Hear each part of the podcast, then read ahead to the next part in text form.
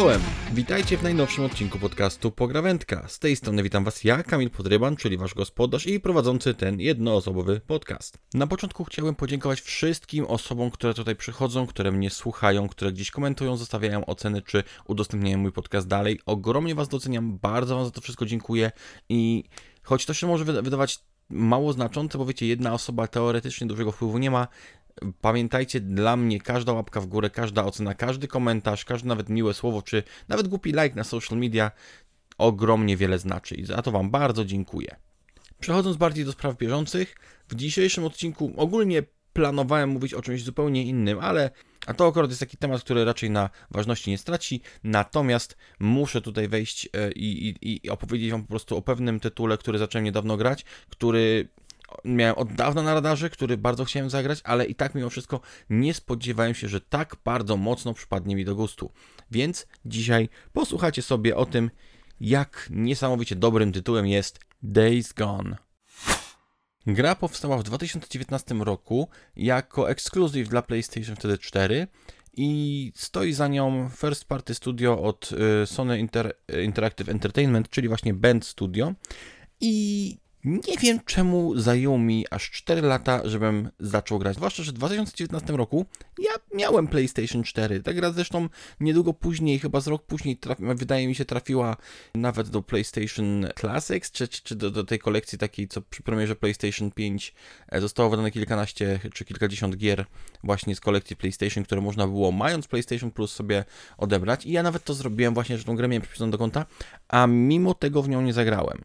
I teraz Dwa lata później, czyli w 2021 roku, gra pojawiła się również na PC-tach i ja nadal w nią nie zagrałem. Nie wiem czemu, nie pytajcie mnie, ponieważ to jest gra o zombie. Rozumiecie już o co chodzi, prawda? To, to są zombie, ja uwielbiam zombie i, i, i tego tematu praktycznie nigdy nie mam dosyć. Problemem za to z kolei jest, że jest to gra z otwartym światem i może to mnie trochę od niej jakoś tak odepchnęło, bo nie wiem, ja w pewnym momencie swojego życia miałem trochę taki, taki też okres ekscytacji właśnie open worldami, wszelkie Assassin's Creedy i inne tego typu gry. Po prostu no bardzo mi się podobały, dużo biegania po świecie, po świecie odkrywanie, ale to też był okres, kiedy ja miałem dużo więcej wolnego czasu i teraz wiecie, gry z otwartym światem, one zwykle mają pełno tych, tych e, różnych znaczników na mapach, pełno zadań pobocznych, bo przecież świat nie może być pusty i jakoś tak po prostu ogrom tych, tych produkcji zwykle mnie dosyć mocno odstręczał. Zresztą wspomniałem wam dwa odcinki temu, że Wiedźmina 3 też jeszcze nie skończyłem i to właśnie jest jeden z tych powodów, to, że, to, że w Wiedźminie 3 nieważne gdzie, gdzie się ruszyłem, gdzie poszedłem,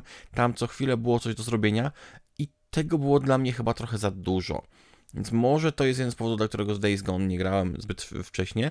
No ale właśnie ostatnio e, dzięki uprzejmości GOG e, otrzymałem kopię recenzencką e, gry i zacząłem, cóż, no grać w Days Gone na PC i powiem wam, że miałem spore oczekiwania co do tej gry i dużo dobrego słyszałem, chociaż też zmieszanymi różnymi tam gdzieś tam opiniami w, w to wszystko wepchniętymi.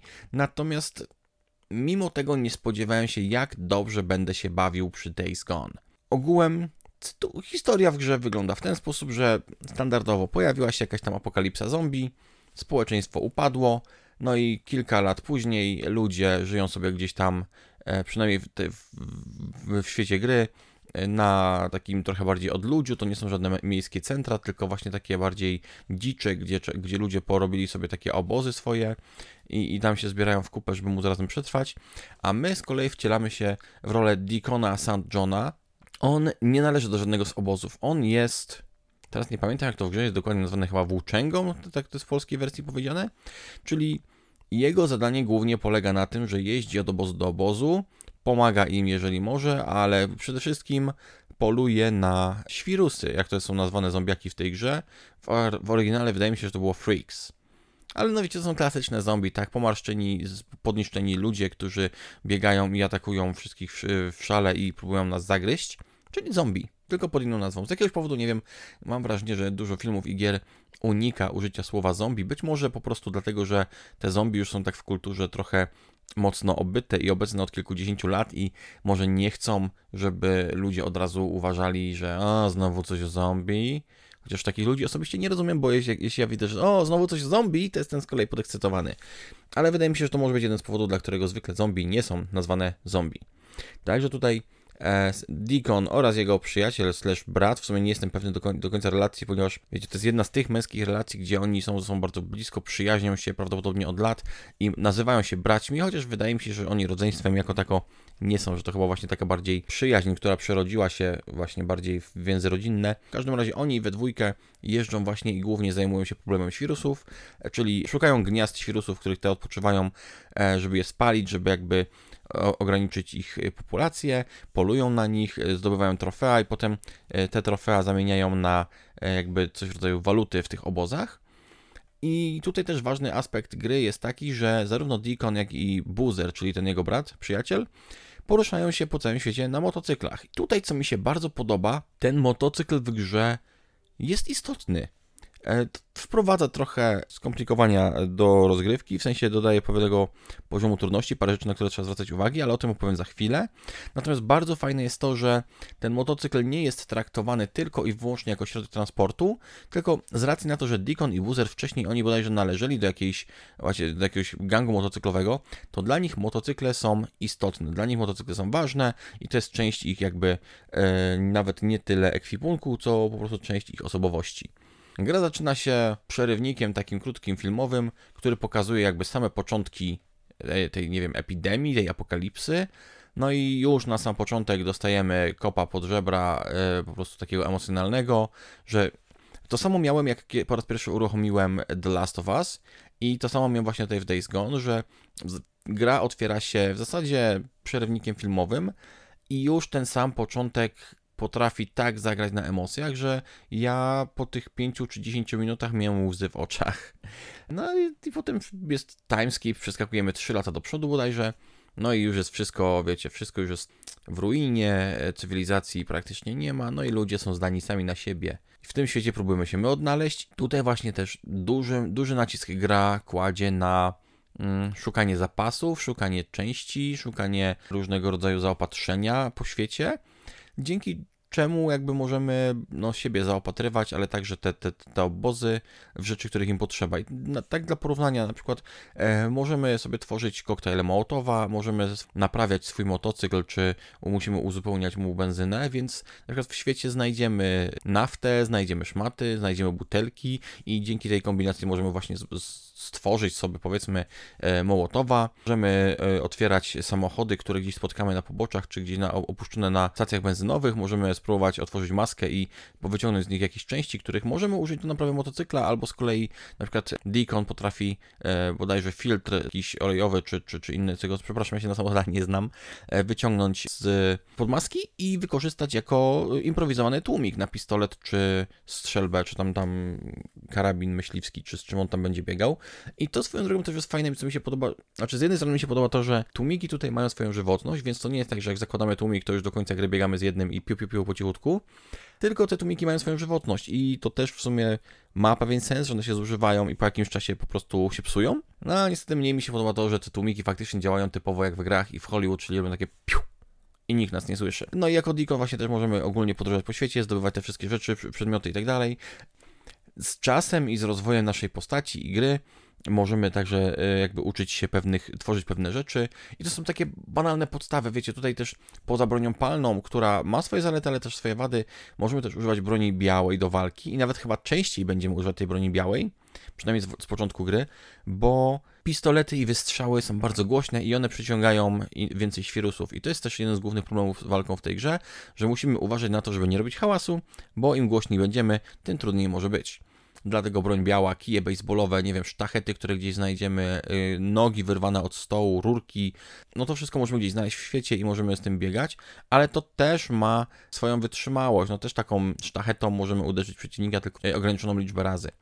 Yy, I tutaj też właśnie fajny bajer, później dochodzą takie właśnie ulepszenia, które możemy sobie stworzyć. Wiecie, to są banalne rzeczy, na które każdy by wpadł prędzej czy później, ale i tak fajnie to daje takie poczucie postępu, że na przykład możemy wziąć e, kij baseballowy, ponabijać na niego gwoździe, w ten sposób będzie zadawał większe obrażenia. To samo możemy zrobić zresztą ze sztachetą. Możemy wziąć piłę taką, w sensie tarczową, która e, z, z, z, na przykład z takiego stołu stolarskiego i ją przymocować do kija baseballowego, tworząc coś w rodzaju bardzo improwizowanego, bardzo prymitywnego e, topora. E, I my z tych wszystkich rzeczy możemy korzystać właśnie w trakcie walki ogólnie właśnie sama walka w tej grze jest niesamowicie satysfakcjonująca. Ja mam wrażenie, że mówię trochę chaotycznie o tym tytule i przepraszam od razu z góry, ale ja sam nie wiem od czego powinienem zacząć, żeby wam powiedzieć, jak naprawdę ta gra jest zajebista. Bo i sam świat mi się podoba, e, główna postać mi się bardzo podoba, właśnie ten system walki mi się bardzo podoba. E, ogólnie to jest gdzieś e, potem wyjaśnione, że Deacon kiedyś tam służył w wojsku, więc e, z bronią palną sobie jakoś radzi, no ale też radzi sobie tą bronią białą i ogólnie no, jakoś te 3 lata przeżył tej apokalipsy, podróżując po świecie i, i zabijając tych świrusów. No i to już samo w sobie oznacza, że gość ma pewne umiejętności i, i, i właśnie problem w tej grze polega na tym, że to nie jest taki, nie wiem, Resident Evil, gdzie tych zombiaków zwykle jest sporo, ale też bez przesady. Tutaj, owszem, jeżeli będziemy sobie chodzić gdzieś tam bezdrożami, to napotkamy dwóch, trzech świrusów, które gdzieś tam się plączą. W okolicy obozów może ich być więcej, ale czasami przy większych, nie wiem, skupiskach możemy znaleźć ich kilkudziesięciu, całe takie hordy, i to nawet w grzech ma nazwane jest hordą, gdzie ich naprawdę jest mnóstwo do tego stopnia, że jedyną opcją tak naprawdę, przynajmniej na początku gry, jest odwrócić się i uciekać jak najszybciej do swojego motocykla i odjechać z piskiem opon. Bo tych przeciwników jest tak wiele, że nie damy sobie z nimi rady, nie mam mowy. Więc tutaj też trzeba uważać, czasami tutaj bardzo dużo ogólnie trzeba się też skradać. Mamy opcję, jeżeli podejdziemy przeciwnika, czy to człowieka, bo z ludźmi też będziemy walczyć oczywiście, czy świrusa. Jeżeli zajdziemy ich po cichu i od tyłu, to możemy ich wyeliminować szybkim jednym ciosem. E, bo Deacon zawsze ze sobą nosi nóż w bucie, którego właśnie do tego używa. No i właśnie to jest też ta, taki, taki backup dla niego, taki, e, taki zapasowa broń, że jeżeli na przykład kij baseballowy mu się rozpadnie, to zostaje mu nóż. Problem z tym, że nóż jest niesamowicie efekt, nieefektywny i na początku gry powiedzmy, że kijem baseballowym świrusa zabijemy czterema uderzeniami, nóż potrzebuje tych ciosów bodajże około 11, więc lepiej pilnować, żeby ten kij baseballowy nam się nie rozpadł, albo żebyśmy w razie czego gdzieś wiedzieli, gdzie w pobliżu mamy jakiś zapas. Bo nóż ok, da radę, ale tylko jako ostateczność. Zwłaszcza, że jak już wspominałem, tych przeciwników potrafi być dużo, a walka z więcej niż 3-4 naraz potrafi być naprawdę kłopotliwa, bo Tutaj nie jest tak jak w niektórych grach, że każdy przeciwnik spokojnie czeka sobie na swoją turę i będą nas atakować po kolei. No nie, oni tutaj nie patrzą na to, że my jesteśmy zajęci, że my właśnie tłuczemy ich kolegę. Oni nas będą drapać po plecach, rzucą się na nas i nas zaatakują tak czy siak, więc dużo trzeba będzie robić uników. Tutaj Deacon ma też ograniczoną wytrzymałość, jakby ten taki, taki, taki, taką staminę, że zbyt wiele uników już z kolei nie ma sił więcej się turlać, więc e, no, nie pogramy jak w Dark Soulsach, że będziemy się turlać dookoła wszystkich, wszystkich przeciwników non-stop. I trzeba po prostu umiejętnie dobierać tutaj zarówno swoje bitwy, jak i sprzęt do nich. Bo fajny plus, możemy w świecie gdzieś poznajdować pułapki. Jak dotąd ja mam około 20 paru godzin w grze, to głównie spotykam, których ja mogę użyć, to są pułapki na niedźwiedzie, wiecie, to takie, takie sidła metalowe, okrągłe, które się rozkłada, jak ktoś nie wdepnie, to one się zatrzaskują na nodze. I możemy sobie taką pułapkę gdzieś zastawić, jeśli wiemy, że gdzieś są zombiaki. No ale wiecie, jeżeli atakuje was 10, a wy rozstawicie 3, 3, 3 takie pułapki, to nadal jest mało, e, więc trzeba kombinować. Można oczywiście używać tych... E, koktajli Mołotowa, można rzucać granatami, jeżeli jakiś znajdziemy, albo nauczymy się wytwarzać. Tylko z Mołotowami z kolei jest taki problem, że te zombiaki nie są aż tak głupie, jak mogłoby się wydawać. W sensie, ok, jeżeli rzucimy gdzieś w wąskim przejściu, które będzie jedyną drogą, żeby e, zombiaki dotarły do nas, to one przez ten ogień przebiegną i zaczną się palić i prawdopodobnie się spalą. Natomiast jeśli rzucimy je na otwarte, te, te, te na otwartym terenie, to zombiaki ten ogień po prostu obiegną dookoła. Nie są takie głupie. Więc tutaj trzeba uważać, trzeba kombinować. Tak jak mówiłem, e, z bronią palną też trzeba uważać, bo jeżeli nie mamy tłumika, to jeżeli postanowiłem sobie postrzelać do trzech zombiaków, może się okazać, że nagle zwaliśmy tutaj z okolic wszystkich innych przeciwników. Zresztą potrafią być takie, mm, no może nie do końca pułapki, w sensie nie, że ktoś się zastawił, ale czasami bywa tak, że próbujemy na przykład dostać się do jakiegoś samochodu pod, pod maskę, żeby poszukać części i uruchomimy w nim alarm. I wtedy wiemy, że jest y, lipa i trzeba ten alarm szybko wyłączyć, bo zaraz będziemy mieli pełno świrutów na karku. Zresztą y, na, po świecie są rozsiane też takie punkty to się, agencji, która nazywa się NIRO i to jest chyba National Emergency Response Organization, czy coś w ten deseń, czyli taka wiecie, organizacja powołana specjalnie jakby, żeby sobie radzić z tym kryzysem. I w każdym z tych punktów musimy jakby odnaleźć generator, zasilić go benzyną, żeby móc otworzyć taki zabezpieczony zamkami elektromagnetycznymi e, coś w rodzaju schronu i tam w środku znajdziemy zawsze, zawsze jakieś zapasy czy coś, ale przy tych punktach też musimy uważać, bo tam bardzo często znajdują się systemy nagłośnienia, gdzie odgrywane są komunikaty dla ludności cywilnej, więc jeśli nalejemy sobie bez uprzedniego sprawdzenia sprawy e, ropy do takiego e, generatora, odpalimy prąd, to nagle z czterech głośników zaczyna wołać yy, jakiś komunikat i wszystkie świrusy w promieniu kilkuset metrów lecą w naszym kierunku. I przyznam, że momentami potrafi być naprawdę strasznie. W sensie tutaj nie chodzi mi strasznie, w tej grze mało jest jakichś takich jumpscarów, że coś na nas nagle wyskakuje i nas straszy. Jest, jest dużo taki trochę, nie wiem, jakby makabry, w sensie wiecie, to jednak jakby nie było jest historia o zombie, więc pełno znajdziemy gdzieś porozszarpywanych ciał, ludzi porozrywanych na pół, jakieś gdzieś sterty zwłok. No takich widoków w grze będzie dużo, więc jeśli mamy trochę wrażliwsze żołądki, to może być ciężko. Natomiast y, nie jest strasznie na tyle, żeby grę można było nazwać horrorem. Tutaj mało jest sytuacji, że coś. Tutaj najwięcej strachu, jakby. E, ja odczuwałem zawsze właśnie w sytuacjach, kiedy się nagle okazywało, że przeciwników robi się dużo więcej niż jestem sobie w stanie poradzić i trzeba próbować uciec. Tylko ta ucieczka też nie zawsze będzie taka łatwa. Zresztą, nawet jeśli dobiegniemy do motocykla, a horda zdążyła nas dogonić, to nie jest wcale powiedziane, że zdążymy uciec, bo oni z tego motocykla mogą nas zrzucić. E, bywało też przecież tak, że gdzieś próbowałem przejechać koło grupki zombiaków i jeden z nich rzucił się na mnie, skoczył szczupakiem i mnie z tego motocykla zrzucił. Więc to też jest potem problem, bo ten motocykl trzeba do niego dobiec, pod, podnieść, przecież motocykle są ciężkie jak cholera, a w obliczu takiej hordy może być to problem. A wracając jeszcze właśnie do motocykla, bardzo mi się podoba właśnie podejście do tego motocykla w tej grze, jako że to jest takie, taki, taki właśnie jakby towarzysz głównego bohatera, że on nie traktuje go bardzo przedmiotowo. Zresztą punktem fabularnym na początku jest, że motocykl, którym on jeździ, posiada customowy bug, który malowała mu jego właśnie, nie wiem, czy narzeczona, żona, dziewczyna, e, jeszcze z czasów przed tą całą e, epidemią, tą całą apokalipsą zombie. I ktoś mu ten motocykl, motocykl kradnie i rozbiera go na części.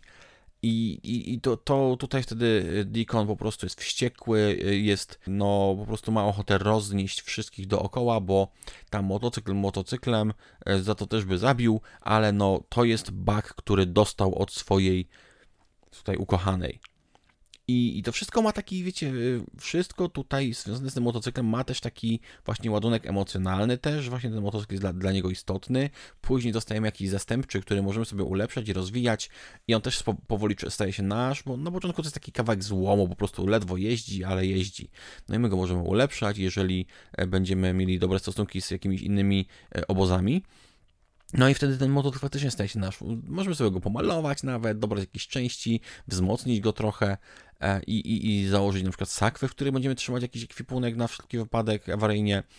No, bardzo mi się to w tej grze podobało i do tego stopnia jest to fajne, że choć gra posiada system e, takiej szybkiej podróży między punktami, to ja bardzo rzadko z niego korzystam. Wolę sobie wsiąść na motocykl i, i gdzieś przejechać, bo nie dość, nie dość, że ten model jazdy jest fajny, to też czasami można znaleźć właśnie po drodze trochę e, sprzętu, towaru, ekwipunku i tutaj się w coś zaopatrzyć. Przy czym właśnie a propos, tak jak wspominałem, że to jest gra z otwartym światem i zwykle tu przytłacza mnie liczba znaczników na mapach, to właśnie Days Gone pod tym względem, moim zdaniem, zrobiło to niesamowicie. Na tej zasadzie, że tutaj nie ma tak wiele do zrobienia. I nie zrozumcie mnie źle, to nie jest tak, że tutaj na mapie nic się nie dzieje i świat jest pusty, bo nie jest, tylko po prostu nie jest tak nasrane tymi znacznikami. Tutaj jedziemy, jeżeli, będziemy jeździć ulicami, no to części rzeczy nawet nie zobaczymy, bo one są gdzieś tam dalej odpuszczone. Czasami gdzieś nam mignie jakiś znak zapytania na mapie w okolicy, ale to wtedy musimy tam zboczyć drogi, dojechać, a jako, że e, Deacon zna się nieco na tropieniu, to najczęściej gdzieś musimy przyklęknąć, poszukać śladów, e, zobaczyć o co chodzi. I to są takie właśnie te, te sytuacje. Czasami gdzieś na trasie na przykład spotkamy sytuację, że gdzieś jakiś e, człowiek został, nie wiem, na przykład zamknął się w samochodzie i dookoła świrusy próbują się do niego dobrać, to jego musimy, znaczy musimy, możemy go uratować, e, i następnie pomóc mu dotrzeć do jakiegoś obozu.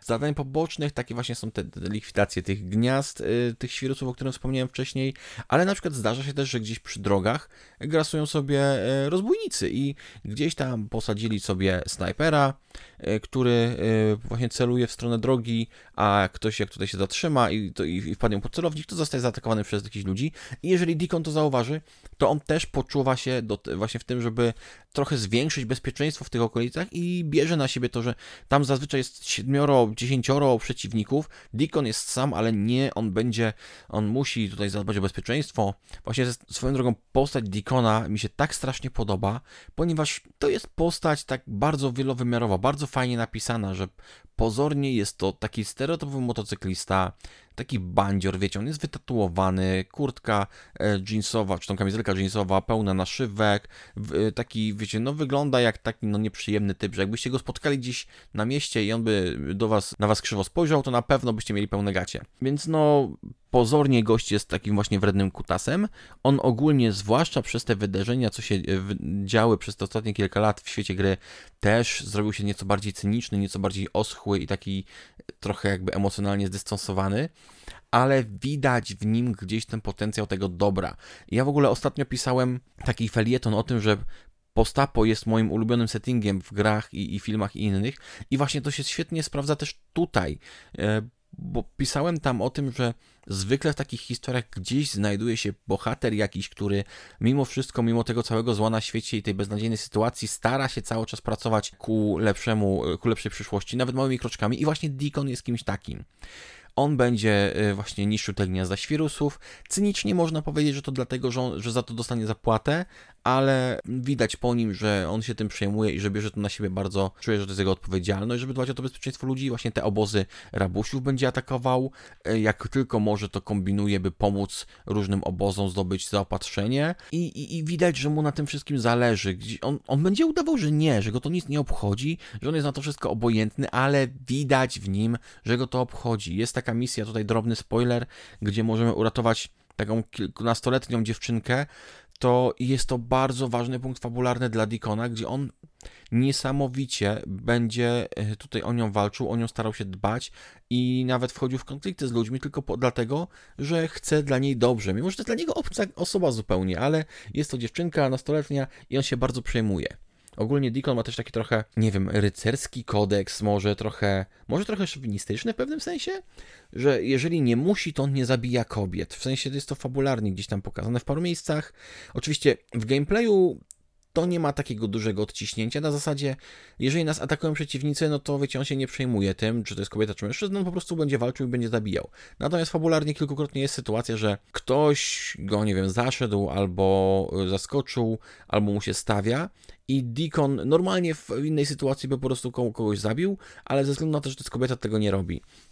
I z jednej strony to też daje mu taki trochę charakter, wiecie, ja wiem, że z jednej strony można właśnie to uznać trochę za seksistowskie, że o, dlaczego kobiety mają być traktowane inaczej, ale on to tak bardziej, myślę, patrzy właśnie na to ze swojej perspektywy tak trochę w taki stary rycerski sposób. On też zresztą na tym motocyklu nieraz wpada jak rycerz na białym koniu i, i, i przynosi zbawienie i ratunek. E, ale no ogólnie właśnie postać Dikona jest taka bardzo fajna, bardzo wielowymiarowa, on się bardzo przejmuje tym swoim e, przyjacielem slash bratem, buzerem. On też w tych obozach, no ludziom może cisnąć, może się z nimi kłócić, ale nie ma sytuacji, żeby ktoś go poprosił o pomoc i on odmówi. Więc no, Deacon jest niesamowitą postacią, bardzo go lubię, jest to jedna z moich ulubionych postaci ever. I tutaj nieco może delikatnie kontrowersyjna sprawa, ja gram w tę grę w po polsku, z polskim dubbingiem.